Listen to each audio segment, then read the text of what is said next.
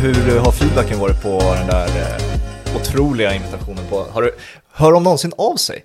Så Ja- Jakob Bergström och de där liksom? Ja, där. men det händer i... Tack så mycket förresten. Men äh, Brännan äh, lätt bekant med vi spelade in lite program förra året. Ja. Så då, eh, han hörde väl av sig. Men det når väl fram till de flesta brukar det göra ja, det är ingen som blir irriterad? Det har hänt. eh, och, eh, men inte, inte på många år nu. Men eh, det var en stor profil i media Sverige som blev rätt så irriterad för några år sedan. Hur, hur lång tid behöver du och jag sitta innan du, jag finns med i din canon av invitation? Eh, du skulle inte bli så bra för du har en för average eh, Stockholms- Stockholms 22-åring eh, röst. Ja, okej. Så att, eh, det, Det måste sticka ut för att det ska vara enkelt. Ja, precis. Det är mycket så. Mycket så tyvärr. Ja, det är någon gång kanske man får se. Ja, det, det kan bli. Det, kan bli. Det, det finns ju sådana som blir profiler också som blir lite enklare för att Ja. de är välkända. Men eh, eh, annars bra om det sticks ut mycket. Du, innan du kom hit så berättade du om hur um, selektiv du är i ditt fotbollstittande. Mm. Och eh, mycket på grund av jobbet då såklart. Ja. Men då undrar man ju då, om man leker med tanken, om helgen är fri och veckan är fri. För jag försöker själv lösa den ekvationen. Vad är den optimala fotbollshelgen? Vad behöver, vilka lag måste man kolla på? Vilka ligor måste man följa för att ha en så bred fotbollskunskap som möjligt, hålla sig uppdaterad hela tiden? För jag, jag, det blir ju lätt att man lutar sig tillbaka på en Premier League-helg. Mm. Men om man ska fortsätta hålla uppe den här kunskapen om fotboll så måste man ju bre- hålla, hålla det brett. Vad behöver man följa enligt dig? Ja, men det, fin- alltså, det som ofta är ju att Bundesliga spelar ju ofta 20-30 på fredagar. Inte sällan Bayern eller Dortmund. Och eh, det är rätt kul för att tyska ligan tycker jag har någonting att alla lag försöker göra sin grej på rätt så mycket sätt. Och det kan också bidra till att det blir ganska stora glapp, eh, alltså differensmässigt i mål. Ja. Men de, de är så tydliga med sin idé. Jag gjorde en match igår till exempel i Conference League. När vi spelade in det här. Och då eh, var det ett eh, lag från Skottland. Som eh, på ett stereotypt sätt spelade som lag gör på öarna. Av lite sämre karaktär. Att det finns liksom ingen idé. Nej. Man ser sällan tycker jag svenska lag som inte har någon idé. Nej, Men här var och det var lite samma när jag körde Bournemouth um, Brentford förra veckan. Mm. Så inte på 94 minuter vad något av lagen ville göra Nej. överhuvudtaget. Så Bundesliga kan jag rekommendera. Sen så Premier League eh, 13.30 matchen. Eh, bryter av med en allsvensk match klockan 15, även 17.30 och sen så är det väl ofta en sen La Liga på lördagen kanske. Lunchmatch Serie A kanske söndag, inte för att jag kollar dem själv. Men eh, det kan vara ett alternativ. Och sen eh, lite mer allsvenskan. Rekommenderar jag. Det är din... Och sen PSG söndag kväll 21. Ah, Okej. Ja. Varför, varför måste man ha PSG med då? Nej, det måste man inte, men eh, det är väl kul att se världsstjärnor tänker jag. Jo. Nej, det är inte så jävla kul eh, kanske om man bara, om man bara har det ingångsvärdet. Men eh, det är ganska fascinerande för egen del att titta på dem. Ja, okej. Kan jag känna. Ja, men alltså anledningen till att jag tar upp det och att du nämner Conference League, när den, det, det här är ju andra säsongen den spelas. Alltså när den lanserades, då tänker jag hur fan ska jag hänga med? Alltså det, blir- Europa League var tillräckligt svårt att hänga med och hålla sig uppdaterad. Alltså det känns omöjligt nu att ha koll på varenda, på varenda vinkel, vad som har hänt. Även fast det är veck, veckodagar de spelas på. Det är så otroligt svårt att hänga med nu. Ja, det går inte. Det blir för mycket matcher. Ja. Nej, jag, jag har ju tyckt i många år att det är för mycket matcher överhuvudtaget. Jag tappar ju allt hopp när jag ser att nästa VM kommer innehålla 48 lag till exempel. Jag tyckte att eh, när EM utökades till 24, nu var jag på plats vid första EM som hade det 2016. Ja. Och jag, jag har än idag inte en aning om vad som hände. eh, på så många håll. Okej. Jag minns att Wales var bra. Ja, och var eh, att Nainggolan gjorde mål mot Sverige. Ja. Och jag var på plats och såg Sverige-Irland, superantiklimax. Men annars, jag minns inte. Alltså, ja, Island såklart, men annars det är, helt tomt alltså. Och det är, nu är det 24 lag kontra VM då som har varit 32, men alltså 48 lag i VM. Det är inte kul. Nej. Alltså det är för mycket. Det är därför hela Super League konceptet också hade blivit pannkaka för ens egen del. För att det är för mycket bra matcher. Du måste ha lunkmatcher och bryta av med saker som inte är tillspetsat hela tiden. Ja. För då får du liksom då får du MLB liksom. Och man, 82 eller och man uppskattar matcher. inte höjderna då på samma sätt. Inte alls, Nej. eller inte för egen del i alla fall. Nej. Eh, Andra Sen ska ju. Champions League också nu skrota gruppspelet ju, 2024. Det ska ju bli en form av seriespel och man ska utöka antalet lag där med. Ja, bara med fyra då förvisso, Jo. men ändå. Det, alltså, vi går ju mot ännu mer av den varan att det ska vara fler lag och fler matcher. Så Ja. jag, jag tycker det är piss, jag tycker det är synd. Jag vill ha mindre matcher och eh, mer betydelsefullt. Mer NFL. Ja, och sen har vi ju liksom att, aspekten att det påverkar spelarna nu också. Mm. Vi kommer ju se mer och mer slitageskador. Eh, Pedri lider väl fortfarande av den där eh, säsongen han hade för ett par år sedan när Ja. han slog rekordet på, kommer du ihåg hur många matcher han spelade? Nej, det gör jag inte, men jag kommer ihåg att det var många. Kan du dra en gissning? Jag har koll på siffran. 119. Nej, så 71 Ja. spelade han. Eh, och det är ju liksom, det, det är ju någonting som kommer bli en vardag. Det rekordet kommer ju slås nu snart ja, och eh, oavsett hur duktiga de blir på att rehabba och eh, ha såna här Ludvig Augustinsson byxor på sig så spelar inte det så stor roll Nej. Mm. utan det är ändå mänskliga kroppar vi har att göra med och alla kan inte ha LeBrons förutsättningar för återhämtning. Nej. Så att, nej, jag har förespråkat mindre fotboll i eh, tio år men det går ju sådär på den fronten. Nej men du eh, kommer ju kommentera Premier League-matcherna sen också efter Qatar-VM när det packas ihop något enormt mycket matcher. Då påverkar ju ditt schema också. Alltså, vad är det för typ av, hur kommer Premier League-fotbollen påverkas tror du? Ja, alltså, jag antar att eh, man inte kommer märka jättestor skillnad bara på i år, men det... Det, kommer, alltså det, växer, det är ju successivt hela tiden. Det är lite mer från år till år och sen så eh, pandemisäsongen blev det ju ihopspetsat, eller tillspetsat heter det. Ja. Ehm, Så att jag tror inte man märker det så mycket, men om man skulle jämföra med för massa år sedan tillbaka så tror jag nog att det kommer märkas rätt så rejält om det ska fortgå i det här tempot. Just nu tror jag inte, egentligen faktiskt, jag satt och tittade på det här jämfört med hur det såg ut på typ 80-talet. Så att Ja. så jättestor skillnad är det faktiskt inte. Jag tror att se- Premier League hade väl 22 lag när det lanserades. Ehm, och det är ju ehm, ett par extra matcher ehm, bara där. eh, Fyra extra bara i ligan och sen om de då spelar i Europaspel. Mm.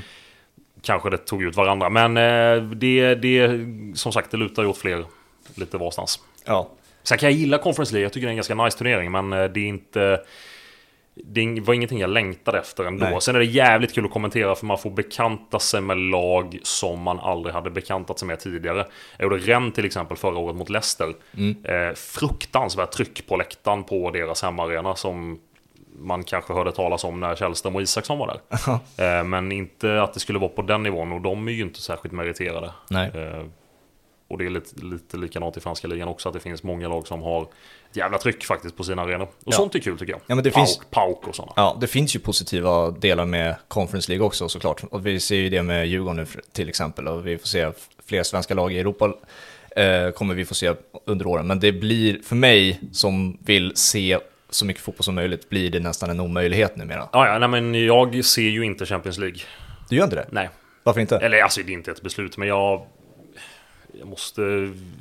Jag måste känna i så fall att ska jag se en gruppspelsmatch i Champions League så måste det vara någonting jag ser fram emot och det gör jag inte. Är det bara gruppspelet eller Ja, alltså, slutspelet? ja precis. Nej, men för att det är, en, det är en tisdag, det är ofta då jag inte tittar på sport. Ja, För att jag inte jobbar med det. nej. Eh, och då, det jag tittar på är svensk fotboll, eventuellt liksom Premier League. Mm. Men annars så måste jag för egen del sålla i alla fall. Så jag tänker som konsument av fotboll så är Conference League inte särskilt... Eh, det är inte någonting som har tillfört jättemycket Nej. ur det för ens egna perspektiv. Men sen, eh, det är ju jävligt kul för svenska lagen som, som kommer gå dit framöver. För det Ja. kommer nog bli ganska många gruppspel närmsta åren tror jag. Skulle det bli ytterligare en Europaserie efter Conference League? Eller under snarare Conference League? Var det inte snack om det? Det hoppas jag verkligen vid gud inte. Eh, för det Jag, räcker nu. jag tror att jag läst någonting om det förra säsongen, men det Ja. kanske inte har blivit någonting. Och vad, Nej. vad kallar man den då i så Nej, jag fall? vet inte. Det... ja, det är ju en bra fråga vad man kallar den. Ja. Eh, Jag är för cupvinnarcupen. Ja, Gamla turneringen. Ja. Bara vinnare. Men eh, det var ju Champions League också en Ja. gång i tiden. du är inte så fan av Carabao Cup kanske? Nej, det, det, den, det, här är en sån turnering man verkligen kan lägga ner. Fransmännen föredöme där la ju faktiskt ner eh, den Okej, eh, efter pandemisäsongen. okej. Mm. Ja, men Så du, den, den ligger på is och jag tror inte de har ambition att ta tillbaka den. du nämnde Brentford-Bournemouth-matchen, Mm. Bournemouth-Brentford-matchen som du kommenterade för, förra helgen. Och det måste man ju, måste läsa upp din tweet. Jag har den här. Mhm. Den är underbar, man vill dissekera den lite. Eh, så här säger du. Jag har sett 94 minuter av Bournemouth-Brentford och efter det övergår mitt förstånd hur åtminstone hälften av spelarna på planen överhuvudtaget lyckas leva på att spela fotboll. Att de nått Premier League är alltså föremål för utredning. Och då undrar man ju, vilka spelare är det? Det är, det är rätt många i båda lag. Jag kan försöka ta upp uh, lagen i så fall här på Ja. datan. Eh, Men den jag framförallt tänkte på, det är den här dansken i, eh, inte i Brentford utan i Bournemouth. Eh, Filip Billing. Jag tror, han är ja. en, jag tror han är 1,96 Ja. och han... eh, Central mittfältare va? Ja, han hade någon form av tia-position och eh, han kunde inte behandla bollen Okej. överhuvudtaget i den här matchen. Det finns eh, flera andra i eh, det här, men han är väl en framförallt, Dominik Solanke är också kass på alla sätt och vis. Men det var, det var framförallt Eh, det som påverkade var att det var så många stora spelare. Alltså det var Kristoffer Ajer som är högerback i 1,98. Det är, eh, vad heter han, eh, Ivan Tony är ganska lång, Billing är typ 2 meter, Kiefer Moore är typ 2 meter, Pontus Jansson är bara 1,94 då i sammanhanget. Ja. Men det, det var inte att det var, det var inte tråkigt att kolla på, men det var bara, det var två lag som var ganska nöjda med 0-0 och eh, inte ville gå för det och det satte sin prägel på den tekniska kvaliteten och nivån på densamma. Och andra halvlek, första halvlek var ganska bra, men andra halvlek var bedrövligt. Alltså det var riktigt parodiskt att se hur dåliga de var på att behandla en fotboll och leva på det. Faktiskt. Ja, kunde man höra det på din röst kanske? När du, sp- vi har, Nej. jag följde ju Liverpool den eh, samtidigt då. Det var inte världens sexigaste ma- match, eh, Bournemouth-Brentford. Nej, men det, men det är också med perspektivet att det här typ är det närmsta en superliga vi kommer i världens största sport. Lite baserat på det. Men... ehm, vad var frågan? Nej, vad man kunde höra på ditt Jaha, intresse. nej, nej, nej, nej, absolut inte. Nej, men det var ganska kul att kolla på, för det var ju, alltså det, de köttade ju något djävulskt. Alltså, Ah, okej, för bollen var ju inte på marken i andra halvlek särskilt. Och det var så mycket dueller mellan de här fyrtornen och så. Så att, nej, det var inte tråkigt att titta på och eh, det märks inte på något sätt så pass professionell får jag väl ändå okej. anse att jag är, att eh, det inte går igenom så.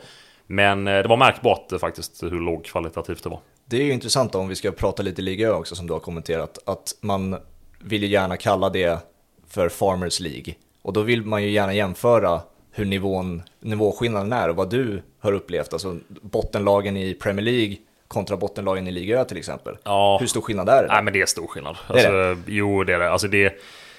Det går framförallt väldigt mycket långsammare för de franska eh, lagen i botten. Jag hade en match förra året när Bordeaux eh, gjorde bort sig som de gjorde många gånger förra året mot eh, Lorient mötte de.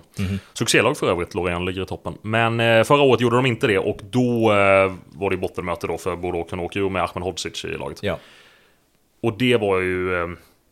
Alltså det var ju ännu lägre nivå. Det var ju... Och det var, det, det var inte kul heller för det var liksom inget tempo i matchen. Det var bara, det var bara dåligt. Så det, det är stor skillnad av den anledningen och sen... Alltså ligan är ju väldigt skiktad, inte bara PSG utan även lagen under där med Marseille och Monaco och Rennes och Nantes i viss mån, Lille och Nice. Det är rätt många hyfsade lag under PSG. Sen från typ lag 12 och neråt, då började det svikta. Okej. Um, Ajaccio, nykomlingar i år. Mm. Riktigt dåliga. Men vad är, vad, är, vad är skillnaden på dåliga i Premier League och dåliga i Liga Ö? då? T- Alltså allt är ju skillnad, men framförallt är det ju all form av tempo och... ehm, inte så mycket teknisk kompetens tror jag, men det är... De... Lägsta nivån är mycket högre bland eh, Premier League-lag. Tycker du att det, är väl eh, det brittiska narrativet? Jag kommer ihåg att när eh, vi hade Lyon och PSG i Champions League-semifinaler 2020 Ja. så gick ju Jamie Carragher, tror jag det var, ut och sa att det är den sämsta ligan av topp 6 eller 7 liksom och sånt där och fick väldigt mycket skit för det för att man just hade två franska lag i Champions League-semi. Så vad, är det toppklubbarna man får exkludera när man pratar om hela ligan då? Det vi framförallt ska notera är att var, dels var det en tillfällighet. Eh, Lyon är ju inte så bra. Nej. Var inte det då heller, men de hade en bra säsong. Och att PSG är unika i sammanhanget. Men det där med att bedöma ligor är ju omöjligt. Tycker jag. Okej. För ja. att eh, det är för mycket lag att ta hänsyn till. Vad ska du bedöma? Man kan bedöma att La Liga var världens bästa liga, Mm. den Barca och Real. Jo, fast lag 3 har ju inte en chans. Där och då i alla fall, Nej. innan Simeone kom in till exempel. Mot lag i, eh, inte ens i Bundesliga då, Mm. tyckte inte jag. Nej. Om man bara ska göra den bedömningen. Och man kan inte jämföra rakt heller mellan trean i ena ligan och trean i andra Nej. ligan och så vidare. Så det, det, är, ehm, ja, det är väl också att Carriager vill vara lite spetsig. Mm. Och, ehm, Som de flesta vill vara där borta i Sky Sports-studion. ja, jag såg att eh, Gary Neville skulle ner till Qatar nu och ställa de kritiska frågorna. Och det har han ju varit bra på hittills. Så att det, det ska bli spännande. The Overlap för de som inte har sett det. Han ha- intervjuade David Beckham också, Ja, när- precis. där nere i Qatar. Ja, känns ju också kritiskt. Jävla Bästa dumheter. Ja, verkligen. Eh, men om vi ska ta lite Frankrike då, och PSG som vi har nämnt nu flera gånger, det är ju ett lag som efter supersommaren förra året kanske inte pratas om lika mycket längre för att rubrikerna har varit en viss eh, norrbagge i city och så vidare. Eh, vad tycker du PSG befinner sig nu som, i och med att du har eh, kommenterat dem? Är det, alltså det var inte länge sedan Messi och Neymar blev utbuade på Parc des Princes. Liksom. Nej men alltså det är problem hela tiden i PSG av olika skäl. De blev utbuade efter Champions League-uttåget mot Real. Ja. Och då var det ju banderoller och också tio år av medelmåttighet och mm. sånt där. Och det finns ju väldigt mycket att säga om PSG överlag. Det är ju den här ultras-grupperingen eh, Kollektiv Ultra Paris tror jag den heter. Men den är ju typ så klubbsanktionerad. Mm -hmm. Den, för det var ju anledningen till att PSG blev det. PSG blev det ju en lång historia men två olika sidor som bråkade med varandra. Mm. Och... Eh, eh, Alltså det, det, det, är alltid problem. Det är alltid problem runt Mbappé, det är alltid problem runt Neymar. Messi har jag förstått Eh, enligt Lekip och eh, RMC tror jag tidningen eller mediebolaget heter. Att han är lite så här, någon form av medlare mellan de två. Galtier, nya tränaren, vill ju få det till att det här är jättegod stämning och allting är fantastiskt och sådär. Och eh, de har varit ganska duktiga på att dölja det på planen i alla fall. Det var ju en gång i hemmapremiären när PSG spelade som det var eh, mot Montpellier tror jag. Då var ju Mbappé arg. Mm. För att han inte fick en pass. Just det, när han slutade springa. Precis, Vitinha, nye portugisen. Ja. När han gjorde gester. Och, ja, herregud alltså. Och, eh, men så där håller han ju på eh, hela tiden och det har varit bråk om straffarna. Mbappé missade ju en straff mot, eh, jag kommer inte ihåg vilka det var. Top, jag, var det Lyon, toppmöte? Nej, det var längre tillbaka. Men i alla fall, jag har sett sju av deras nio ligamatcher i år. Och de är bra, men det finns alltid element av problem även på planen tycker jag. Ja. Och det som är så märkbart är att nu, jag tycker de har ju alltid haft stjärnspäckade lag, men nu i år känns det som att det bara är stjärnor. Ja. De har, alltså, jag har ändå tyckt förut så har det funnits lite vattenbärare. Mm. Nu känns det som att det inte riktigt finns det. Det är ena innermittfältspositionen typ. Mm. Men annars är ju alla stjärnor. Ja. Så jag, jag, vet inte, det skulle vara intressant att befinna sig i det omklädningsrummet faktiskt. Mm. Och se hur de samtalar med varandra överhuvudtaget. För de är, de är, de är så uppe bland målen, alla de spelarna. Ja. Och det finns ingen ryggrad eh, på det, alltså det sättet. Ja. Sen är de ju fruktansvärt bra. Ja. Alltså vissa delar av matcherna gör de saker. Det, fin det finns tre lag som jag har kommenterat, där man liksom tittar intensivt i 90 minuter. Mm. Och noterar saker som man inte själv kan se. Det är Bayern München förra året, då gjorde de saker som... Äh, fan den där passningen kunde jag inte se. Nej. Alltså hur kan han veta att han alltså verkligen på sån skyhög nivå? Eh, City naturligtvis och PSG i vissa delar av matcher. Men då är det alltid Neymar eller Messi. Ja. Mbappé är det mer när han gör det själv, men just mm. det här kombinationsspel och sånt. Mm. Men eh, det, det, ska bli intressant att se var de landar någonstans. Eh, det, Neymar inledde ju helt okej, han gjorde 12 poäng första fyra tävlingsmatcherna, mm. inkluderat Supercupen då.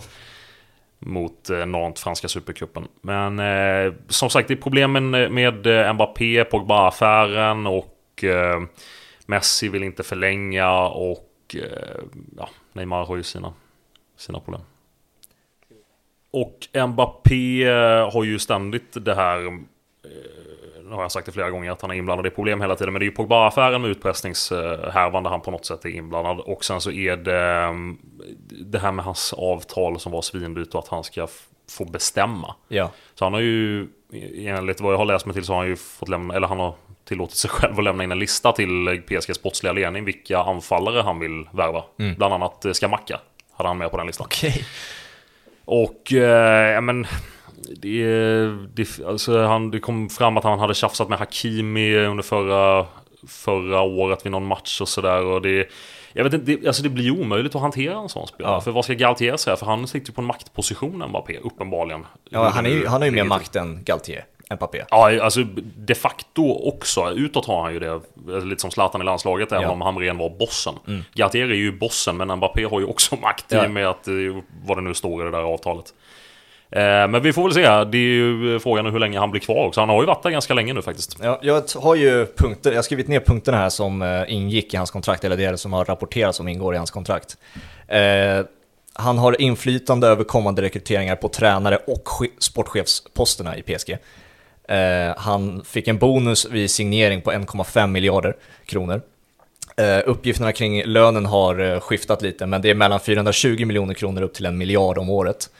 Eh, den totala kontraktet är värd upp till 6 miljarder och han får eh, en stor majoritet av intäkt, intäkterna från sina bildrättigheter. Då. Alla bilder som tas på honom eh, får han majoriteten av intäkterna på. Vilket också var en del av att han vägrade fotografering med landslaget. Just det, Eh, ja. För att han motsatte sig sponsorer av, som han kallade etiska skäl. Etiska skäl. Ja. Ja, nej, men alltså, Och då ska vi komma ihåg att det här är en 24-åring som troligtvis inte är jätteintelligent. nej. Som får det här i världens mäktigaste klubb. Det är liksom inte... Det är inte LeBron eller Tom Brady eller någon som har varit med i 20 år på högsta nivån och kanske tillskansat sig lite erfarenheter. Utan det här är ju troligtvis en rätt dum människa. Ja. Eh, om vi ska tala klarspråk. Ja, men alltså, och då, då undrar man ju då, han förlängde ju bara till 2025, Mm. det är inte ett långt kontrakt, men hur mycket förstör det här hela PSG-projektet? Alltså det är en bra fråga för att min bedömning rent spelmässigt när jag sitter och tittar på de här matcherna är ju att Neymar och Messi betydligt äldre förvisso men de är ju mer kompisar på plan, hittar Ja. varandra. Vilket eh, inte är så konstigt för de har spelat mer, eller längre tillbaka ihop Ja. i Barca och sådär. Med god framgång med Champions League-titel och så vidare. Eh, så det är väl inte i sig så konstigt men som sagt sätter man sig i den här sitsen med bara stjärnor, Ramos, eh, Donnarumma, bakre led, Verratti. Eh, plus alla som är på väg fram, eller längre fram i banan, då får du ju de här problemen.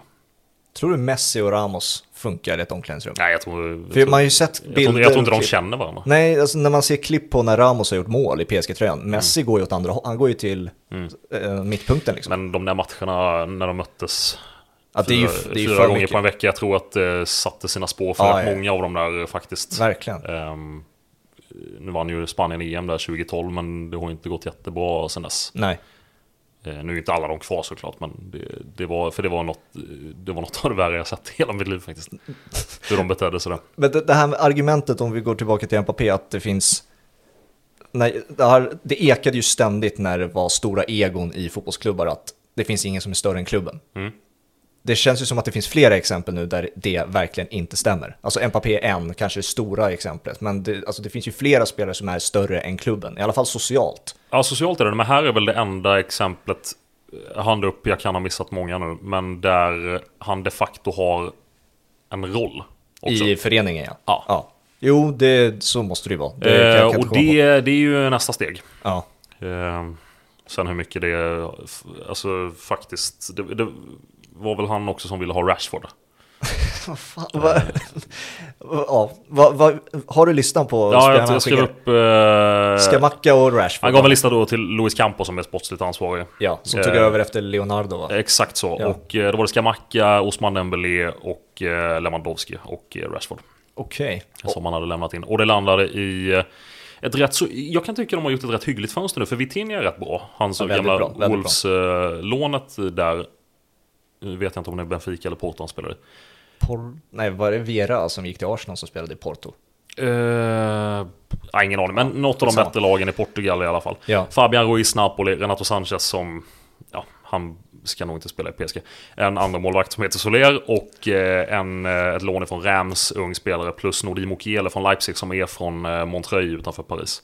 Så han, det blir ju lite Paris-koppling med Ja. honom och de har Kim Pembe där sen tidigare, plus ett par unga talanger. Men Eh. Mendes på vänsterbacken är väldigt spännande tycker jag Han också. är, han är jätteduktig. Ja. Han är riktigt bra. Han är nog eh, fan min favoritspelare i det laget Ja. faktiskt. Han bara springer, det är det enda han gör liksom. Ja, och han har bra flyt i, eh, i sitt passningsspel också. Ja. Det, går, det går i ett, eh, ett speciellt tempo hela tiden. Mm. Hakim är lite mer eh, ryckig. Ja. Fast bättre, men ändå. Ja, och då blir det liksom så här, vad... Neymar, eh, som du sa, bra start på eh, säsongen och så vidare, men vi, man pratade om Ballon d'Or tidigare med honom, alltså att han var på den nivån. Mm. Och sen att PSG var projektet han gick till för att nå den Ballon d'Or-titeln. Mm. Och när Mbappé kom skulle ju han vara den som hjälpte Neymar att nå den nivån. När Mm. blev det skiftet att Neymar inte var the guy? Alltså att Mbappé gick om Ney- Neymar. Um, alltså målmässigt har väl Mbappé vunnit interna skytteligan fyra år Men projektet med- Ehm, alltså, ja, liksom- nej, jag fattar. Alltså, Varför, varför ändrade de det på det sättet? För då, då man, föreningen skapar ju då den interna konflikten av sig självt. Så jag skrattar med det att du säger förening om Paris Saint-Germain. Okej, eh, Qatar säger vi. Katolska staten och... eh, nej men eh, alltså det, det eh, jag vet fan, men jag tror att de också när de inser hur mycket pengar de har att kunna slänga på massa olika spelare, framförallt förra säsongen, så tror jag att de glömmer bort vad de har sagt. Ja. Det, jag tycker inte man ser en, en röd tråd i hur PSG vill jobba som City till exempel. Nej. Säger väl det mesta när man anställer Pochettino. Och sen ett år sen så kommer Galtier in som man i så fall kanske borde ha tagit inför förra säsongen när han vann ligan då med Lille. Ja. Men eh, det, det känns inte riktigt så strukturerat och jag, ehm, alltså jag, jag gillar ju inte PSG såklart. Nej. Utöver, de spelar bra fotboll men så som det är uppbyggt så är det väl någonstans kul om de inte vinner trots att de försöker så mycket med pengar som är rätt så tveksamma. Men eh, jag undrar om de är på rätt väg faktiskt med det här för det känns inte som det finns riktigt den tydliga grunden som finns i till exempel City eller Bayern München eller sådana lag. Men därför tänkte jag också i somras när det ryktades om Zidane att det skulle vara Zidane som kom. Det, det, att det blev Galtier tyckte jag kändes udda i och med att det är PSG, det är världsstjärnorna. Det känns ju som att Zidane var namnet som bara skulle vara pricken över i att det här är ett superlag med supernamnen liksom. Precis, för Galtier känns som en tränare man tar in efter att ha vunnit Champions League. Ja. Och nu ska vi börja om och sätta en fransk fägring på det här laget och spela in den här 06an. Ja. Zaire Emery heter han. eh, som eh, då gjorde debut i höstas. Och, eh, det, det, men då kommer liksom Galtier in när de känns, eh, inte på nedgång, men det är, liksom, det är tio år och ingen europeisk titel. Ja. Trots att de har haft rätt hyggliga spelare. Eh, så jag, jag vet inte, men jag tror att Zidane, eh, om det är massa i kopplingen som är så pass stark för honom, jag tror att han skiter i det om jag ska vara ärlig. Ja, men, ja. eh, men ja, annars hade han ju varit ett rimligt namn. För man vill ju se Zidane träna igen men inte i Real Madrid. Det är liksom det. Nej, jag vill inte heller se honom i Real. Han har varit där ett par gånger, det ja, räcker nu. precis, och det gick rätt, så- det gick rätt så bra Ja, framförallt. men det är liksom vad... Det har ju ryktats om föreningarna överallt egentligen av storklubbarna med Zidane, men det blir ju aldrig någonting. Jag vet inte vad han, Det har varit Juventus, United, PSG, ja, inget blir det. Katars landslag. Just det. Eh, alltså det riktiga då. Ja, Eh, inte PSG. Alltså, är det den, har du koll på det? Katars eh, förbundskapten? Jag tänkte att de skulle ta ett svinstort namn, men det är ju någon anonym spanjor de har. Nej, Och det är ja. liksom ganska nära VM nu. Nej, alltså noll koll på att landslag. Qatar, jag trodde att de skulle börja värva in eh, massa spanjorer och brassar och sånt där. Som, Ja, de, gjorde, ja. som de gjorde till handbolls-VM. Just det. Eh, Men det är inget som har kommit in. nej, jag tittade på deras trupp och det var ju eh, född, spelare som är födda i Doha och eh, typ lite länder runt omkring. Men det är ju ingen man känner till. Nej, och det är ingen som det man vet kan ta Qatar. Nej, och jag har aldrig hört talas om en katarisk fotbollsspelare i hela mitt liv. Nej, inte jag heller. Så, och det är ett ganska litet land också. Ja, det blir väldigt intressant. Sidospår, hur- men, hur men Zidane. Zidane som sagt. Eh, nej, jag har, vet fan vad han ska ta vid någonstans. Men jag hoppas han blir kvar för jag, det är min stora idol när jag växte upp. Ja, alltså, och han har ju vid bägge tillfällena han har slutat i Real Madrid och säger att jag är inte klar med tränarrollen, jag vill träna igen. Mm. Och det känns ju som att han har haft möjlighet i alla fall, har kommit, han har gått till möten och pratat med, eh, med Qatar och med andra föreningar. Ja, precis. Eh, Men jag vet inte, han kanske är dålig på intervjuer, jag vet fan. Sen var det också det här märkbara att vad var han bra på som tränare? Vad var hans grej? Det Han, blev- hantera egon var han ju men- bra på. Ja, exakt. Match made in heaven här. Exakt. Eh, Men, eh, men spelmässigt, vad var hans eh, stora grej? Ja. I och för sig kanske samma med Ancelotti. Jo, exakt, vad är hans? Ja, det... Ja. Jag hoppas han kommer tillbaka. Ja, jag med. Det här med Galactico-satsningar, om vi breddar lite utöver PSG, funkar det?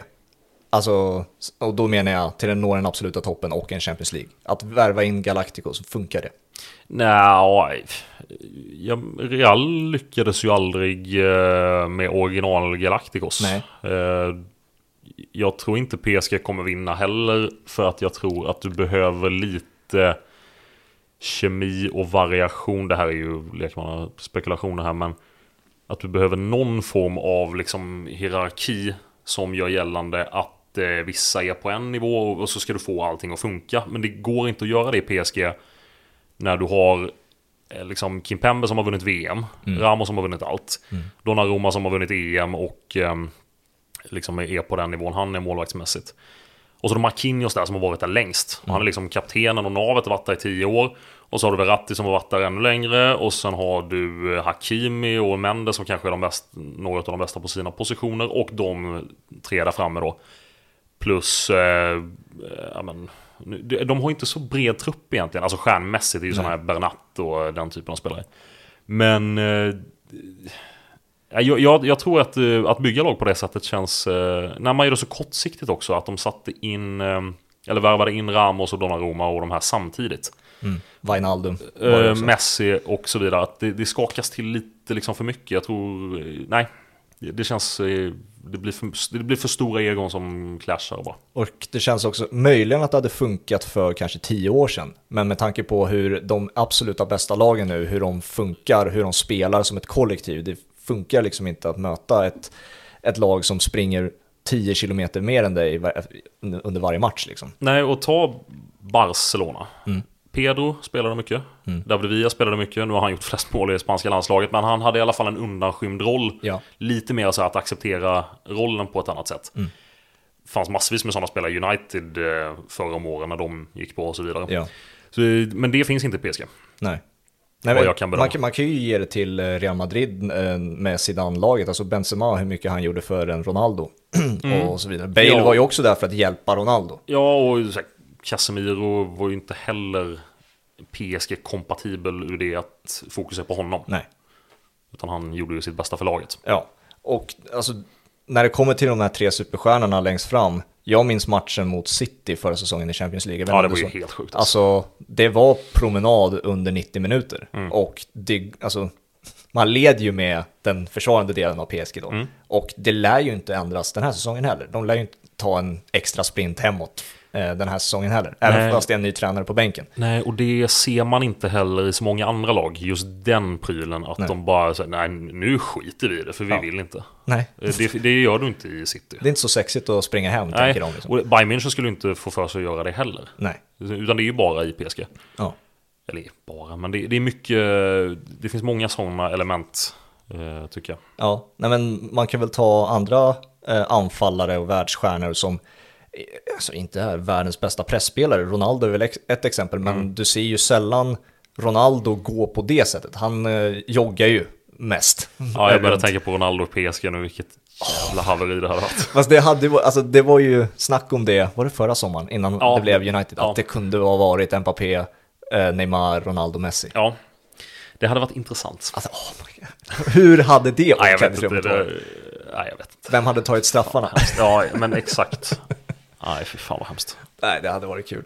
Eh, kan man säga att PSG tar sig till en eh, Champions League-semifinal och du har det här argumentet som går runt eh, eh, i United till exempel att eh, Rashford är bättre för laget än Ronaldo, därför bänkar Ten Hag Ronaldo och så vidare. Det fin- argumentet finns ju. Hade det funkat i PSG? Nej, dels för att de som finns som ersättare är lite för dåliga.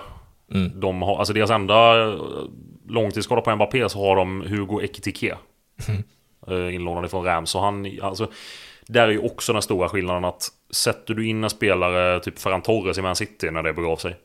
Sätter du in eh, någon spelare i, ja men Choupo-Moting, Bayern München. Ja. Han kan ändå se ut som att han hör hemma i laget. Ja. Det gör inte den här killen. Det Nej. gör inte lite andra typer av spelare. Nu kommer jag inte på ja, men Kalim Wendo eller några sådana i PSG som har varit på bänken och lite så här in och utspelare.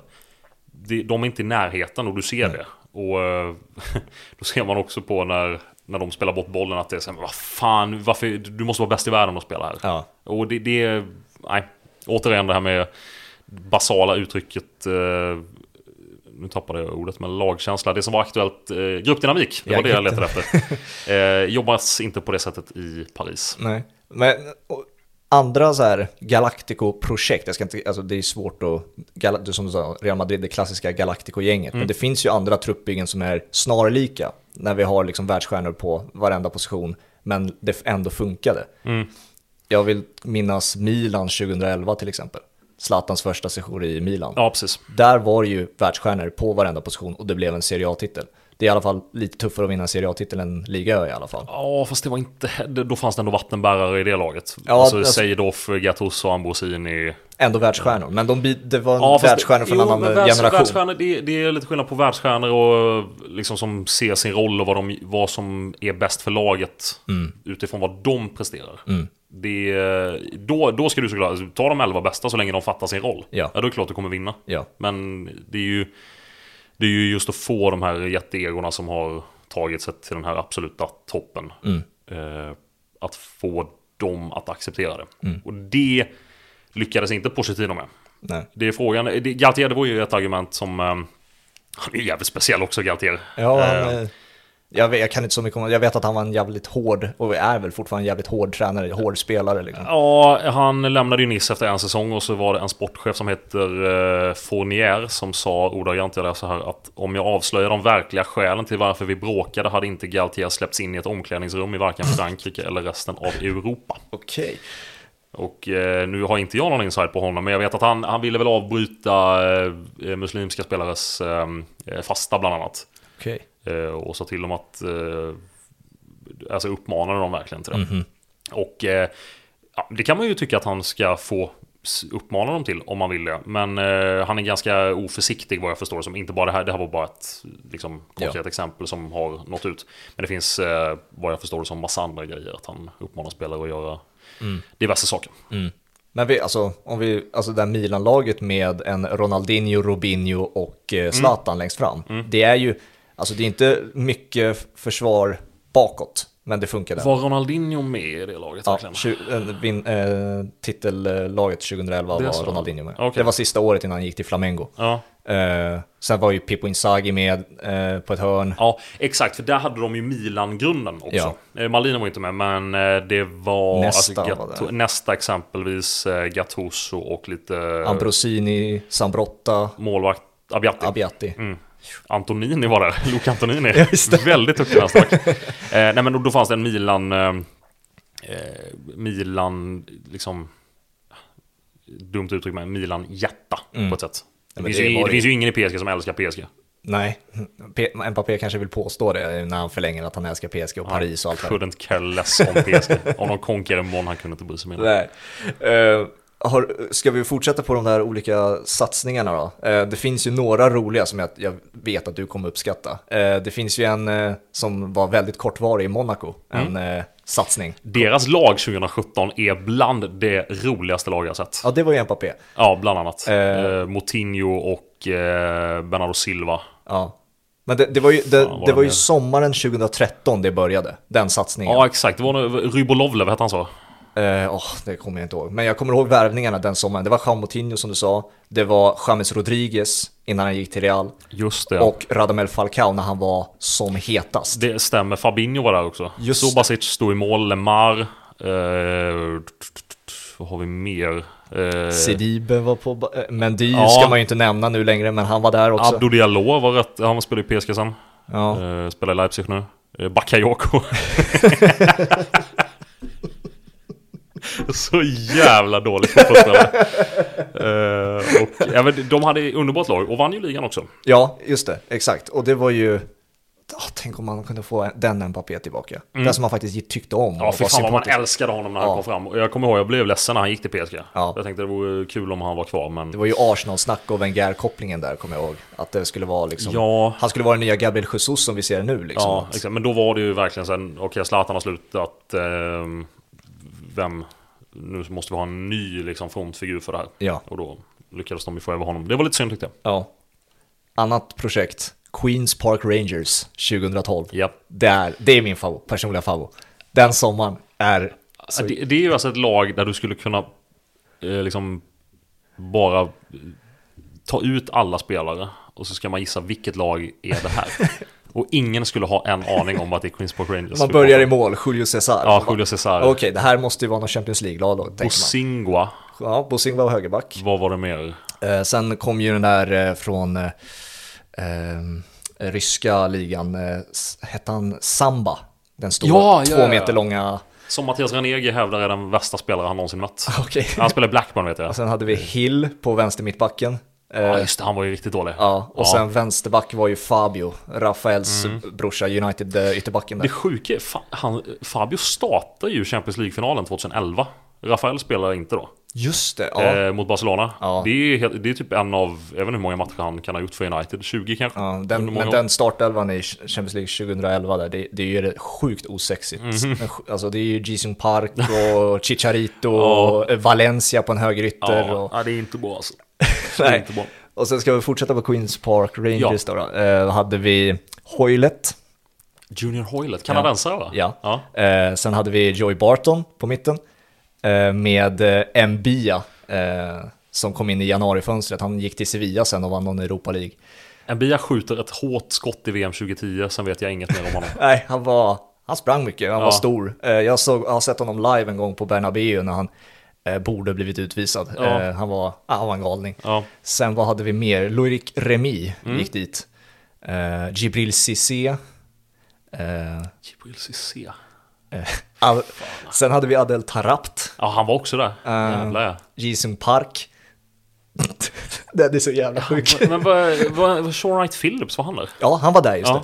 det. Sean Rice Phillips Men, var eh, men det är ju roligt lag alltså. Granero från Real Madrid. Just det. Herregud. alltså. Eh, men vad heter... Jo, eh, Joey Barton gick ju till eh, Marseille. Ja, gjorde den här till Zlatan ja. Ja, bland annat. En av många märkliga grejer han ägnade sig åt. Men Joey Barton började ju när han hade varit där i typ ett halvår. Ja. Så gjorde han ju sen en intervju på engelska. Ja. Med typ fransk brytning. Ja, Han började kallas för Joey Barton. och jag lyssnade på den. Det här är några år sedan. Bara tog fram den bara alltså, du är inte frisk. vad var det han sa för Jag någonting? vet inte vad han... Han har sagt många Han, konstiga han snackade engelska på fransk brytning, så var det va? Vad fan, han... Han fimpade väl någon i city också? Eh, ja, ja. Ögat. Nej, nej, nej, det var ju sista, det var ju den där si- Agüero moment, det var ju sista matchen där. Ja men det var några år tidigare tror jag. Jaha, jag, jag kommer ihåg att han knäade, var det Nasri i ryggen eller vem det var? Och fick rött kort och därefter så vände ju Mm. Ja, City ja och man vann. tar ju rätt där, det stämmer. Men att han fimpade en lagkamrat i ögat bara i omklädningsrummet. Herregud, Eh, det har jag inte grejer. hört. Men det, Men han var, han var bara 26 då. Så att, eh, Han var i Newcastle. Jajamän. Eh, och var väl spännande då och var ganska bra, Ja. ska man ju faktiskt säga. Ja. Han är manager idag någonstans. Just det, ja. eh, I League 2? Mm, säkert. Eh, ja, hade väl sagt, han drog väl någon, eh, jag tror det var, eh, nej jag ska inte ens ta upp det. Det var någon jävla dum Ja, grej han sa ja, förra han har sagt väldigt mycket då. Men det, det är i alla fall de projekten, Galactico-projekt, jag kommer ihåg, eller Queens Park Raiders Galactico. Nej men jag fattar vad du menar. Eh, sådana där supersommarvärvningar liksom. Real Madrid vet jag och Chelsea har jag haft några stycken. Ja, vi har ju, eh, har vi något svenskt exempel? Jag tänker Mjällby 2010 med Tobbe Gran, Ekenberg och typ Erton och El Kabir. Också ett fint Ja, det kommer jag noll. Det Bagan och... Det det kommer jag inte ihåg. Galacticos På Mjäl- Swedish Edition, Mjällby AF. Ja, det, men alltså, det är ju kul med de här, det är ju så sjukt konstiga projekt, men det är ju roligt. Och det kommer ju antagligen komma fler nu när pengarna bara skjuts in i världsfotbollen. Fast det, det har man inte sagt det rätt länge tänker jag. Att, Eh, Ja, men att, att eh, lag skulle kunna göra sådär. Det går ju inte så bra för Nottingham heller. Nej, eh, Att göra det, det var ju ett exempel. Ja, Och samtidigt eh, blir ju lag ganska mycket mer, vad jag kan bedöma, mer tränardrivna. Mm. Alltså att man ser värdet i vad en tränare kan hitta på. Ja, Både i Sverige och även internationellt. Att det kanske snarare blir fokus på det. Så Mm. jag är inte riktigt lika säker på den biten. nej okej. För det- Man kan ju ta det tydliga exemplet Manchester City. Är det ett Galactico-projekt eller är det mer ett, vad ska man kalla det? Ett ekonomiskt projekt som är strukturerat på korrekt sätt. Jag tycker att de har byggt det mycket smartare än att det ska kallas för... För Galactico-projektet tycker jag är att du bara tar Här har vi en världsstjärna som ska kunna sälja tröjor och han var, han var rätt bra för några år sedan. Mm. Och skulle nog kunna bli en världsstjärna igen om vi har tur. Och så sätter du alla dem i samma lag. Ja. I det facket tycker inte jag att Bernardo Silva, Nej. ehm, Rodri och eh, Cancelo och sådana spelare tillhör. Även om de håller världsklass. Det är lite andra parametrar. Det är väl bara Eh, Haaland egentligen som har varit det stora världsnamnet som har värvats in under den sommaren. Ja, det... Jag tror fan För Jack Grealish var inte heller Nej, det var ju Det ju England väldigt duktig hypad. spelare i ett hyfsat Premier League-lag och en skön kille. Med deras mått mätt. eh, och eh, annars... Eh, Foden är ju egen produkt. Mares var inte, alltså han var inte världsstjärna på det sättet. Nej, och kan man ju också säga var värvad kanske två år för sent till City. Mm. Och eh, ja, men sen så, det, apropå tränardrivet, det är ju extremt tränardrivet och med en sportchef som han har jobbat med tidigare i Ja. Weger Steiner och sådär. Så det, nej, det tycker inte det är att likställa med varandra. Nej. Nu när jag nämnde Håland måste man ju ta det. Mm. Måste ju snacka lite Håland också. Eh, har haft den här podden i några veckor bara, men alltså han gör, gör ju bara sjukare och sjukare matcher. Det känns ju som att det var någon definierande så här, match, Manchester-derbyt ändå. Att han presenterade sig och sköts i, upp i höjden på ett annat sätt i den matchen.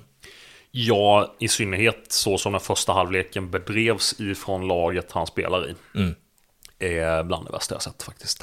Eh, men men eh, jag, jag är inte så förvånad för jag såg honom ganska mycket i fjol, kommenterade Dortmund en del. ja. Och jag tänkte in, för jag hade sett honom ganska mycket liksom, highlights och sådär och sett någon match. Eh, Han gjorde ju mål i första eh, pandemimatcherna. Just I det. maj, Bundesliga Ja. körde igång tidigt. Då var man ju taggad på att titta på fotboll. Ja. Eh, och då gjorde han ju mål där och då såg man ju redan då vad det är för typ av Mm. spelare och sådär.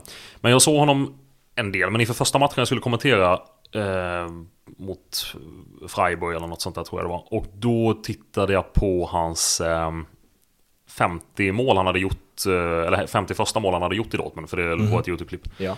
För jag tänkte jag måste kolla vad det här är för någonting. Eh, alltså hur, mer ingående. Mm. Och när jag såg det klippet så noterade jag verkligen så jag tänkte verkligen så att det här ska, alltså han kan göra så här mot vilka som helst. Det spelar liksom ingen roll vilka han spelar mot. För han är, han är för stark för de flesta. Och är det någon som är starkare än honom så springer han ifrån dem. Och är det någon som av någon anledning skulle ha allt det där så är han för smart.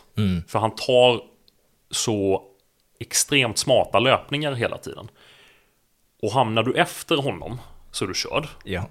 Och då måste du läsa av honom på ett bra sätt. Men i och med att han är så explosiv och stark med den fysiken plus att han missar inte avslut. Nej. Han sätter ju dem. Ja, Han missade i Community Shield men det är ju låtsas Ja, herregud, vilken rubbe det blev. Att... Ja, exakt. Men han missar ju inte mål. Han får ju alltid rena träffar och sätter dem på... Så han är ju otrolig verkligen. Mm.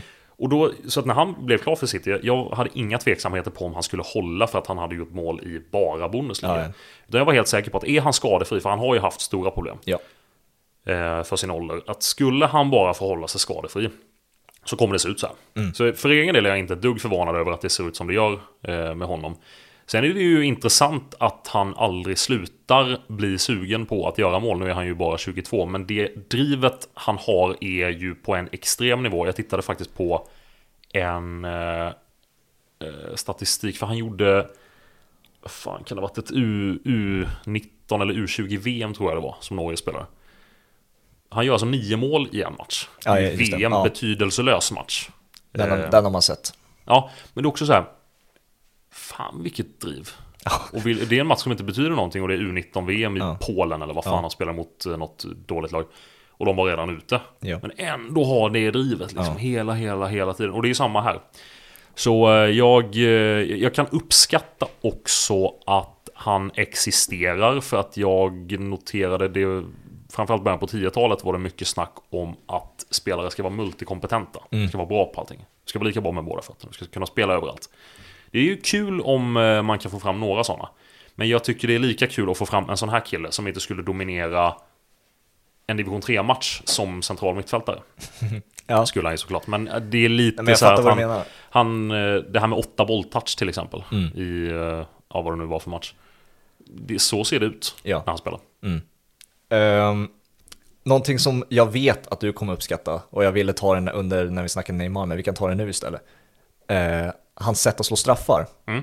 och sättet Neymar slår straffar, det är ju någonting, det är ju någonting du brinner för när det kommer till eh, eh, vad är det, gå fram till straffpunkten, steppa fram till straffpunkten. Ja, det läser du mig helt rätt.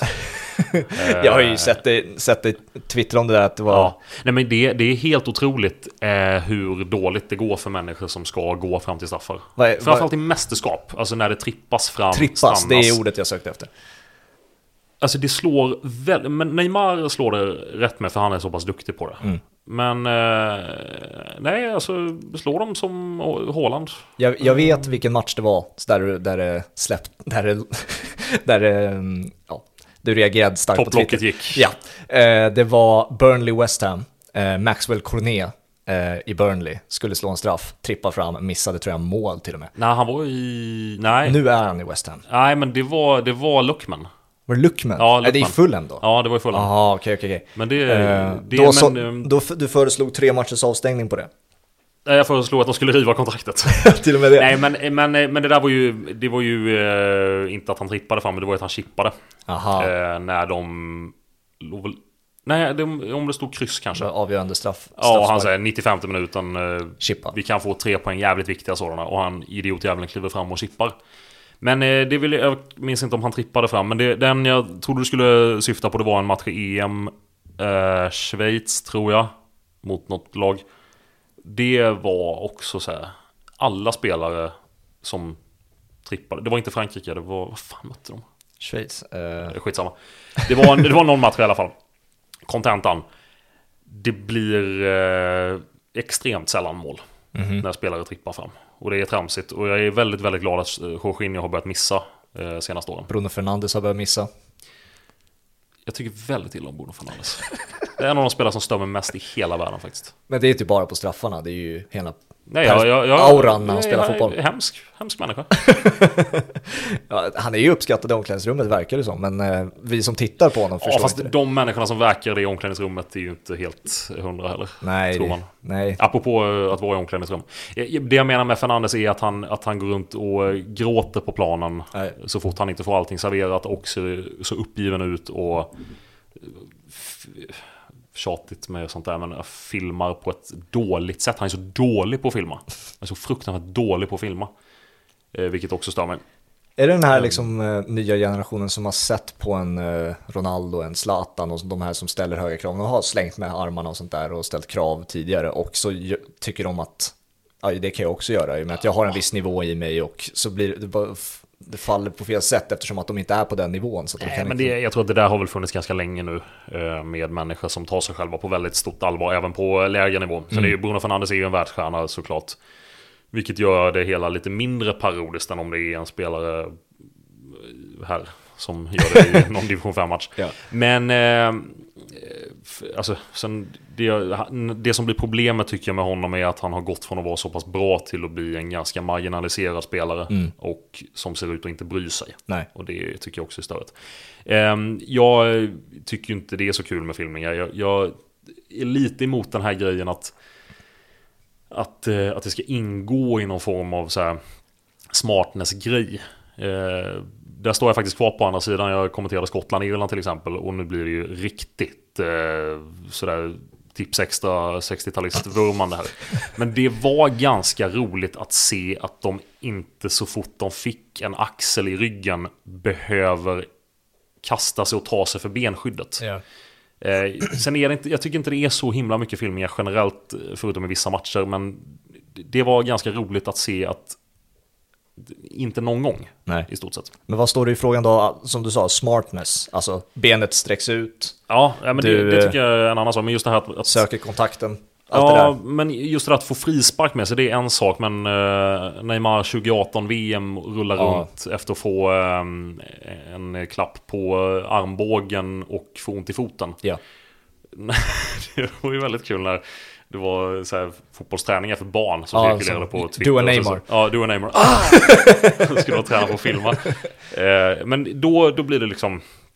Då blir det något annat tycker Ja. jag. Filmningar, jag är, jag är inte rabiat kring filmningar, att jag tycker det är djävulens påfund. Men eh, det var mer att just den här matchen, Skottland-Irland var lite befriande. Att det, var, Mm. något, det var någonting helt annat. Och det är kanske också en anledning till man uppskattar ha Haaland. Det är ju inga... Nej, Inga inte mycket. Sen tror jag att han är för stor för att, eh, alltså fysiskt för stor, för det kommer se dumt ut om han börjar filma. Han hade varit dålig på film. Ja, han hade varit usel på eh, att filma. Men det har jag tänkt på med Zlatan. In- Inte att han, jag säger inte att Zlatan filmar, men när han får en spark, han rullar ju sällan. Det är ju när han drar korsbandet och sånt där. Men när han, får, han sätter sig bara på knä. Han, han, han får en spark och så sätter han sig på knä och skriker lite. Underbart, han bara, bara titta på dem på ett sätt som ingen annan kan titta Ja.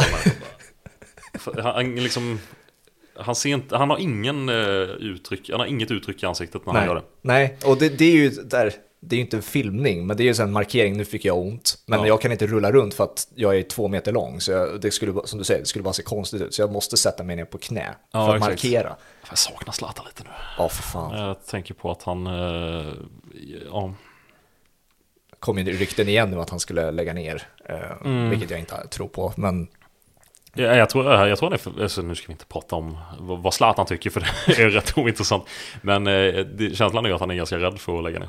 ja, men det, det har ju, alltså Maldini var väl ute och sa Mm, det senast, liksom, han, han är ju skraj för det. Jag, läst, jag läste ju hans senaste bok, eh, Adrenalina, Mm. och han är ju jävligt tydlig med det. Han, Mm. han är ju han vet inte vad han ska göra i princip. Han har ju lite sidoprojekt och en familj och allt det där. Men liksom, Ja. han, han vet inte vad fotboll är, eller vad livet är utan fotboll. Det är Nej, ju, exakt. Min, min egen snickrade teori om att, eh, om att han är rädd eh, ska jag ju ta tillbaka. Eh, det, det, var ju, det har han ju som sagt, som du säger, varit tydlig med att han är, är rädd för att sluta och sådär. Men eh, ja, vi får se vad det blir av honom. Landslaget med Zlatan. Inte, vänt på det där så många varv sen så många år så att jag vet Man vänder ju på det där, det var ju Hammarby förut. Det kom, känns ju inte att han avslutar en karriär i Allsvenskan längre. Det kommer ju vara i Milan. En fullt San Siro där han blir avtackad, känns det ju som. Eh, Alltså, eh, när han, när han var på väg till, eh, eller när, när han snackade som allsvenskan där, efter pandemin, när han var och tränade med Bayern ja. Så många människor som slog fast att ni fattar väl att uh, Zlatan kommer spela i Bayern? Ni fattar det va? Marcus Biro till exempel. Ni fattar det här va? Du har inte en aning för fan! Och det har inte hänt heller liksom på två år. Och eh, jag tror inte heller det kommer hända, men vem vet. Men det, det, det är därför jag blir lite trött på hur, hur Zlatan har diskuterats både i landslaget. Så att jag tror han kommer spela i landslaget. Ja, Han vet ju inte själv någonting Nej. säkert. Jag, jag tror faktiskt inte han vet. nej. Eh, och jag vet än mindre. ja, Men, men, ja. Ska vi, har du läst vad Chris Sutton eh, sa om hans eh, teori, eller vad teorin var kring eh, och hans, eh, hur han är uppbyggd? att Det- han är uppbyggd i ett labb. Ja. Ja. Har du läst den eh, lilla pisen i Daily Mail, vad han har skrivit? Nej, det har jag inte Den måste jag läsa upp, Ja, den är underbar. Eh, han gillar nämligen den teorin, Jaha. så han eh, utvecklade den lite, vad, vad, för, Men, men jag, vad som har blandats i den soppan. ska det vara någon så är det Haaland. Så här har eh, Chris Sutton, tidigare Celtic och City va? Eh, jag gillar teorin att Haaland skapades i ett labb, en galen vetenskapsman som ville sätta ihop en, den perfekta anfallaren. Så vilka delar har forskaren gett honom? Eh, vänsterfoten av Puskas, styrkan av Cristiano Ronaldo, farten av Gareth Bale, eh, Zlatan Ibrahimovic påhittighet, eh, den mentala styrkan hos Alan Shearer. Vetenskapsmannen verkar också ha adderat en del av Stålmannens fysik och Spidermans eh, instinkt. Slutcitat. Det känns väl som att han hade, han hade väl blandat ihop egenskaperna med personerna. ja. Zlatans påhittighet och Shearers mentalitet. Det är väl inte det främsta man tänker på. Nej. Men, ja.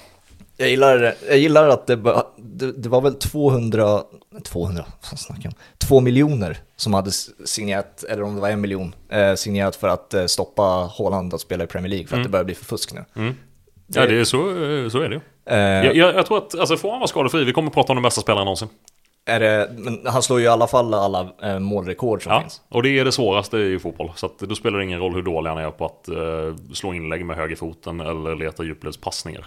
Eh, Ja, det, beror ju på liksom man, om man tar Messi och Ronaldo-debatten. Messi spelar vackrare än Ronaldo och det har en stor alltså, påverkan på vad folk tycker och tänker om vem som är bäst. Liksom. Jo, alltså Messi är ju, är ju något, något annat naturligtvis. Men, men det, det som jag känner att det finns ingenting hos mig som har fått att tvivla på att Haaland, hur skulle han kunna gå ner sig? Mm. För att om han, han är så pass smart så att den dagen han tappar snabbhet, han kommer hitta andra sätt. Mm. Så att, men nu, nu är han 22 och han har inte spelat ens en halv säsong i Premier League så vi skulle lugna oss såklart. Men ehm, ja, jag har ju också gått från att vara eh, i ett läge där jag avskyr honom för att jag tyckte jag, jag tyckte han kändes när han skulle Zlatan tyckte jag alltid kändes när han kom fram att det här är ändå en han är sig själv Ja, lite överdriven version. Haaland, rent skådespel bara. Jag tycker Ja. han har vuxit faktiskt senaste ja, ett och ett halvt åren i alla fall. Jag vet Eh, exakt vad du menar, jag sa samma sak. Jag tyckte att eh, han ville skådespela någon slags brutal ärlighet som inte blev ärlig. Att han, det här med att han spelade Champions League-hymnen i bilen och allt det där liksom. Oh. Jag, tyckte det var, jag tyckte det var så jävla töntigt bara. Han Eh, kräktes i munnen när han skulle sova med Champions League-bollen i sängen. Ja, men en sån där liksom att han ville spela den rollen att han är liksom fotboll och ingenting annat Mm. och att och sen så har jag ju svårt för det, det kanske jag är unik med att jag har svårt för all, alla de här galna målgesterna. Att han Jag- viftar så mycket och han springer som en galning och allt det där. Ja, Eh, det finns en brutal ärlighet i den liksom, i, i sättet han uttrycker sig på också som är lite irriterande för mig. Mm. Men, Men, men, eh, men jag tycker han är he- faktiskt helt annorlunda mot vad han var då. När han började bli, alltså... men, eh, han hade så konstiga intervjuer. Han, han kunde liksom inte bära upp skådespelet. Han var så dålig skådespelare. Sen tycker jag i samband med dokumentären också, jag såg den och han gav ju han gav ju ett annat intryck, alltså, som jag tycker han har efterlevt i City, andra, ja, precis, i andra sammanhang också där det inte bara är en dokumentär som är styrd delvis av honom själv och Alf Inge säkert. ja. Eh, utan att han, han känns eh, inte som han försökte skådespela och jag tror att eh, för att vinna sympatier ska han nog fortsätta på det här spåret. Ja, jag är verkligen. glad att han har bytt faktiskt. Vad tyckte du om den eh, dokumentären?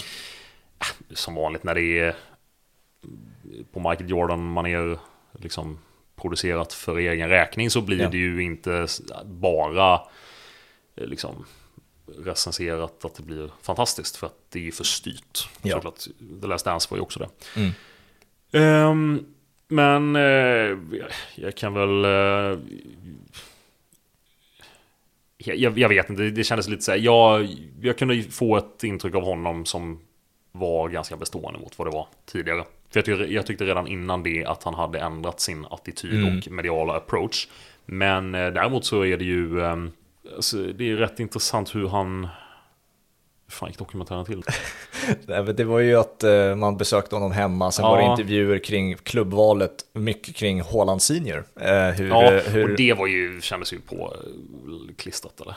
att, Lite så här, men det så här, ja, vi väljer mellan de här och de här och de här. jo absolut, det, det Det hade, det hade de ju redan bestämt. de hade bestämt. City redan Ja. då och det var i februari det här spelades in. Men exakt. det jag kan uppskatta med hur de, i alla fall på ett väldigt, det var inget så här fantasitänk kring klubbvalet, utan de var väldigt så här, de delade in det i Mm. poäng och de delade in det i så här väldigt nyktert såg på vilka behöver en nia, vilka, Mm. eh, vilken klubb skulle passa min spelstil. Och det, jag tror att det, det sättet var väldigt, eh, alltså borde nog världsstjärnor titta mer på, så här, Mm. hur, va, när jag väljer klubbar liksom. Ja, och sen han känns faktiskt ganska ödmjuk tycker jag. Mm. Jag tycker han känns som, eh, som, alltså när han kommer hem till Bryne, jag tror uppriktigt att han är en ganska soft snubbe Ja. när han kommer hem dit. Ja. Eh, Så eh, nej, jag har gått från att eh, tycka rätt illa om honom bara för det här skådespelet. Ja. Och bara tycka att fan, det här, han verkar vara en ganska god gubbe faktiskt. Man vill ju veta det då, som vi kan ju avsluta på det. Vad är spelare man gillar, spelare man inte gillar? Du var inne på Bruno Fernandes. Jesus, det, finns ju många namn. Ja, nej, det, alltså, Man måste ju leta lite i huv- huvudet här nu. Ja men don't get me started med spelare man har stört sig på. Eh, usch. Ja, här var ska vi börja? Alltså jag har ju stört mig på Zlatan i perioder också. Men det, det, han är absolut inte i den kategorin Nej. såklart. Jag har varit ännu mer fascinerad och eh, s- dylikt av honom. Men... Eh, Jag måste också tänka. ja men hur många exempel vill du ha på det här? Men Man vill ju ha namnen som man kanske inte tänker på. Harry Maguire. Nej, jag tyckte mycket om Maguire när han spelade i Leicester faktiskt. Eh, Men för mig är det Harry Maguire. Ja. Eh, Noll. han, hans namn i Tottenham eh, är ju eh, extremt okarismatisk. Eh, Harry Kane. Eh, Ja, Harry Kane har man svårt för. Ja, det har man. Och, nej, men, jag ty, de här gamla Arsenal och City-fransmän, alltså Nasri och Clichy och de där tyckte Mhm. jag att det var jävla obehagliga. Bra shout. Ja, de tyckte jag inte om. Ehm, jag har stört mig på rätt många italienare också genom åren faktiskt. Uh, Materazzi var ju urtypen. Må- många hade ju svårt för uh, Chiellini efter EM. Vad tyckte du om den? Nej, vad fan, det var väl bara... Alltså, det var Jag inget- hade ing- jag men många tyckte det den att här det blev... Alba... Alba-grejen och ja, att men han- Det tyckte jag bara var... Han, han tar väl eh, liksom ett eh, mentalt övertag bara. Det är ju, ja, exakt. Och det är ju så här, vad, vad Jo, tycker men det är ju inget fult med det. det är så här, Nej. Mm. Han vinner ju den mentala matchen bara. Det är inte så att han slår killen liksom. Det var ju Eh, nästan ett slag. Ja, det vet fan, men, men, eh, men eh, jag har ju aldrig gillat Italiens landslag riktigt. Märkligt varför, jag har faktiskt, eh, kan inte precisera Men- varför. när Men, det är sedan långt tillbaka. Men när alltså. Italien spelade mot England på Wembley Ja. nu senast eh, i EM-finalen, då hejade man väl på Italien. Jag var ganska nollställd inför den här finalen, för jag Jag tyckte vill- att England hade så extremt icke-likeable landslag. Ja, det var ju, ja, okej, du gillade inte Italien sen innan då, men jag, så det var ju bara Italien. mig. Italien sitter djupt, alltså det är sedan EM 00. Okej. Där jag var, Frankrike är liksom all in verkligen. Mhm. Jag älskade det laget. Och eh, men EM 04 också. när Sverige mötte dem. Eh, så det, det sitter bara längre tillbaka och jag kan inte liksom rationellt förklara varför Nej. riktigt. Eh, Men det, är, så det finns ju många spelare som helst man har stött sig på. Man stod ju alltid i två olika läger när det var José Mourinho Pep-duellen av de Barca-Real Madrid-lagen. Ja. Antingen var man väldigt för Barca eller var väldigt för Real Madrid. Jag hade ju svårt för många i det Barca-laget till exempel. Mer än i Real Madrid-laget. Hatade Barca slag. Ja. Alltså jag hatar dem De så mycket. Busquets, Piqué, eh, alltså Dani Alves har jag ju, åh, där har vi en. Dani Alves har jag alltid haft svårt för. Ja, Att han ska kalla sig själv good crazy eller vad, det nu är. Ehm, fotbollsspelare i allmänhet som skriver på Instagram bara är ju störigt i sig. we go again. Ja men eld-emojin alltså, kan vi skippa den någon gång? Det var Mustafi. Har du, har du, följde du, ehm, eh, han hade ju ett tema på sina Instagram-inlägg förut när han var i Arsenal. Mhm. Eh, och det här var under när Mustafi var som sämst i Arsenal. Mm. Och han la alltid ut samma caption i varje bild. Eh, och det var de här emojisarna som man bildade meningen soon back on top. Mhm. Och efter varje miss, varje, varje försvarstabbe, så la han ut en bild och skrev så här, ja, dålig insats, Mm. sorry, we, we go again next week, soon back on top. Men jag förstår, alltså, jag förstår att de här människorna lever i en bubbla, att de är världsstjärnor och att de är mångmiljonärer. Men har de inte mer fantasi än att skriva “Not the result we wanted”? Nej, det är ju bara det. Men, Men det, hur kan de inte själva... men är det de som skriver det då? Det, det känns ju som att det är... Ja, men, är någon deras. PR-människor, är, alltså, fattar inte de att så, att blir mer, det blir bara värre. det ser jättedumt ut? Ja. Eh, ja. Det var väl Det- Foden, han, han sparkade ju sin media-kille Mhm. eh, efter att han gick ut och sa att han var typ på Instagram eller Twitter eller vad det var eh, inför en, match mot PSG tror jag det var. Mhm. Eh, och sa typ att, att han var bättre än Mbappé eller någonting. Okej. Eller, eller något sånt där, att han edgeade någonting med Mbappé. Och eh, det var inte han som skrev det, det var ju mediapersonen som skrev det. Och, han, och den personen fick sparken dagen efter. Du vet vad Phil Fodens hund heter? Nej. Carabao. Ja, okej. Varför? För att han är dum i huvudet. även, och även därför att han är så platt. Ja. Alltså, det, det är ju så med alla fotbollsspelare. Det är ju därför fotbollsspelare är ju... Eh, det finns ju en anledning att de är tråkiga i intervjuer. Ja. För att du måste vara det. För att du måste ha en viss mentalitet, Mm. antar jag. För att nå dit. Och ehm, det är ju väldigt få fotbollsspelare som är genuint kul personer. Men ja, det mediatränade är ju alla. Ja, mediatränare är en som en, de, jag tror de blir tråkiga och stereotypa och bara så superfokuserade på sin sak. Men det är ju intressant att se, alltså Romelu Lukaku, Mm. när han gick ut och pratade om mycket, hur mycket han älskade Inter när han var i Chelsea. Ja, Jävligt dumt, ja, men han är ju brutalt ärlig, han är transparent, han, liksom, Ja. han berättar hur han känner. Och han får så mycket skit för det och sen är hans Chelsea-sejour över. precis. Är det, vad står man i den frågan? Vill man att han ska vara mer brutalt ärlig? Och där är ju näst, där är faktiskt ett problem som jag själv brottas lite med när, om vi ska ta ett svenskt exempel, Viktor Edvardsen. Mm. Att han är extremt ärlig i alla intervjuer, vilket är Viktor Edvardsson skön snubbe för övrigt vill jag bara säga för att eh, han eh, Jag skrev eh, en tweet en gång under uh, pandemivåren 21 När allsvenskan, när han, precis innan han gör två mål mot Djurgården Ja. att, för då, Jag tyckte han var så dålig bara Okej. Och så hade jag tråkigt hemma. Eh, att Viktor Edvardsen var... Han ska vara glad att han inte gick till AIK. För Oj. att han hade inte fått spela där eller någonting sånt Ah, okej. när han var aktuell. Och så gör han de här två målen och svarar sen på det. Vi, hade vi, lite, vi snackade lite sen efteråt. Vad skrev han? Nej, det var mycket självdistans och sådär. Och han har ju, det, han har ju självdistans. Ja. Eh, och han känns ju så här filterlös och eh, sen vet jag att det finns tveksamheter och skit. Men men i alla fall, i alla fall så... ehm, Eh, det, att ha sådana typer kontra människor som inte säger någonting. Samtidigt som man ska bedöma huruvida vederbörande är en posör och går över gränser i citat mot domare exempelvis och så vidare. Det tycker jag själv är ganska svårt. Mm. För samtidigt som man eh, kritiserar människor som säger vad de tycker så stryper man ju det fria ordet i sammanhanget. Ja. Ingen yttrandefrihetsdiskussion här, men Nej, att nej. de, de åker inte med de här dreven som det blir om de säger någonting dumt. Mm. Vilket jag, jag fattar verkligen att eh, får du 50 meddelanden på eh, din privata Insta och eh, notera hur mycket, hur mycket som florerar om dig och klubben kanske tar tag i det. Det här med när han sa hata Örebro, eller drog igång den ramsan mot Degerfors. Ja. Vilket är jättelöjligt av Degerfors. Jag fattar att man efter, därefter kanske inte vill säga någonting. Nej. Det, det blir fel fokus någonstans. Ja. Och det, det, det tycker jag har blivit värre med Allsvenskan faktiskt. Att det ska detaljskådas och nagelfaras så fruktansvärt mycket Övertänka. med, eh, med spelare, vad de säger och eh, hur de beter sig. Och det, Ja. jag tror inte det är bra. Nej. Jag tror inte det är bra alls. Sen ska man ju inte få säga vad som helst. Eh, Det tror jag alla är överens om. Men eh, Vi har sagt mycket idag så. ja, mycket, mycket dåliga saker. Jag försöker fortfarande komma på spelare jag stör mig på. Men det är, det är liksom... Så att, eh, då kan vi väl nöja oss med Bruno Fernandes. Ja, Bruno Fernandes. Som vi var det, inne det, jag håller med Jag dig. låter, jag låter argare än vad jag är, men jag var- la mig sent igår. Jag jobbade sent. Ja. Du ska ha, vi har kört nu i över en timme så du ska ha stort tack att du kom. Tack själv. Eh, vad skitkul. Mm. Och eh, det här kan ju du bättre än mig för du har varit på YouTube längre än jag. Men vad är det man säger? Gilla, prenumerera och dela.